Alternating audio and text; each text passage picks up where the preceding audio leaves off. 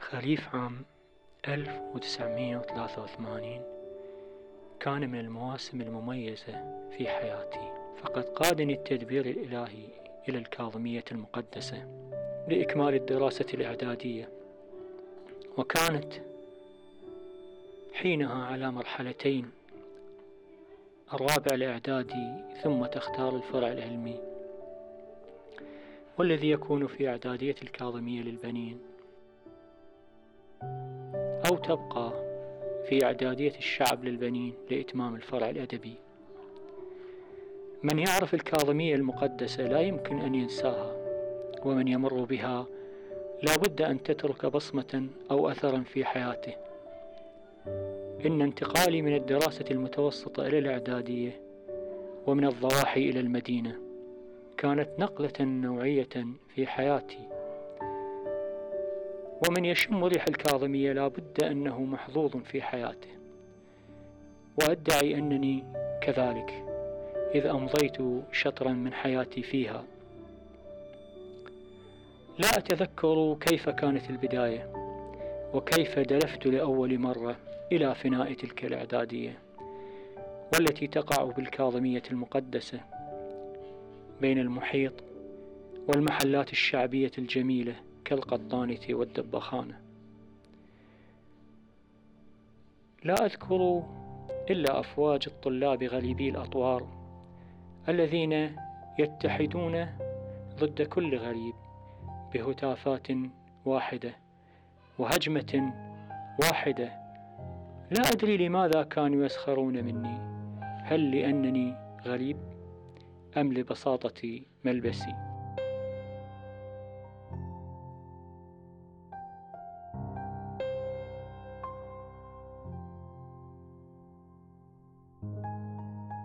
كان اللون الجوزي مميزا لبعض ملابسي. وكان أيضا جزءا لا يتجزأ من وسائل إيذاء البعض لي. والجوزي أيضا أوجد من الاختراعات الغنائية لدى حناجر الأشاوس أنشودة عظيمة في زمن قادسية الصنم ألا وهي جوزي تجوز علي وأنا لسه الحنة بديه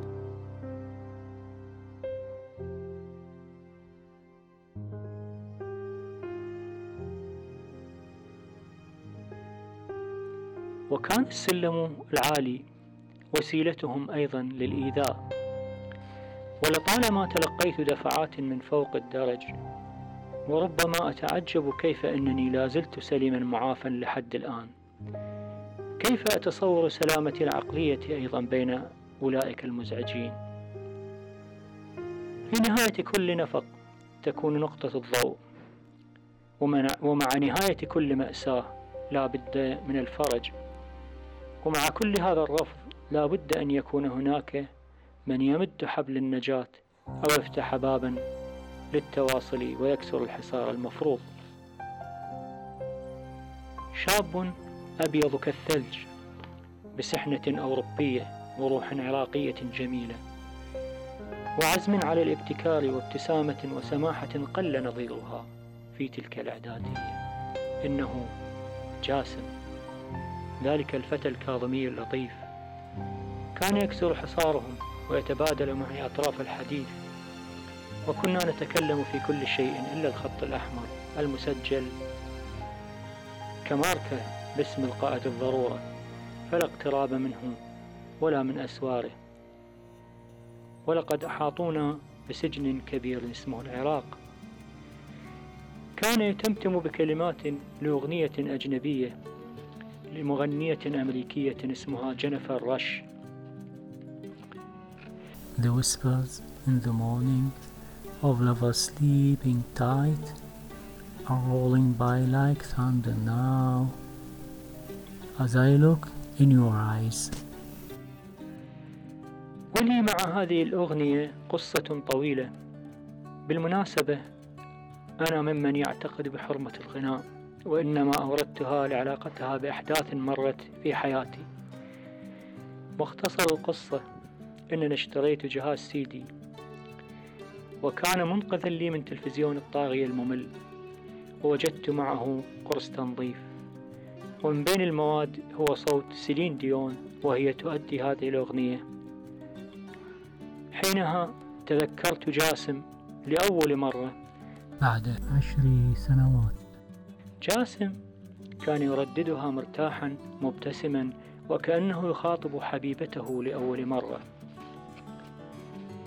وهكذا كان الوقت يمضي حتى نصل إلى قرب باب مراد كاظم الغيظ عليه السلام.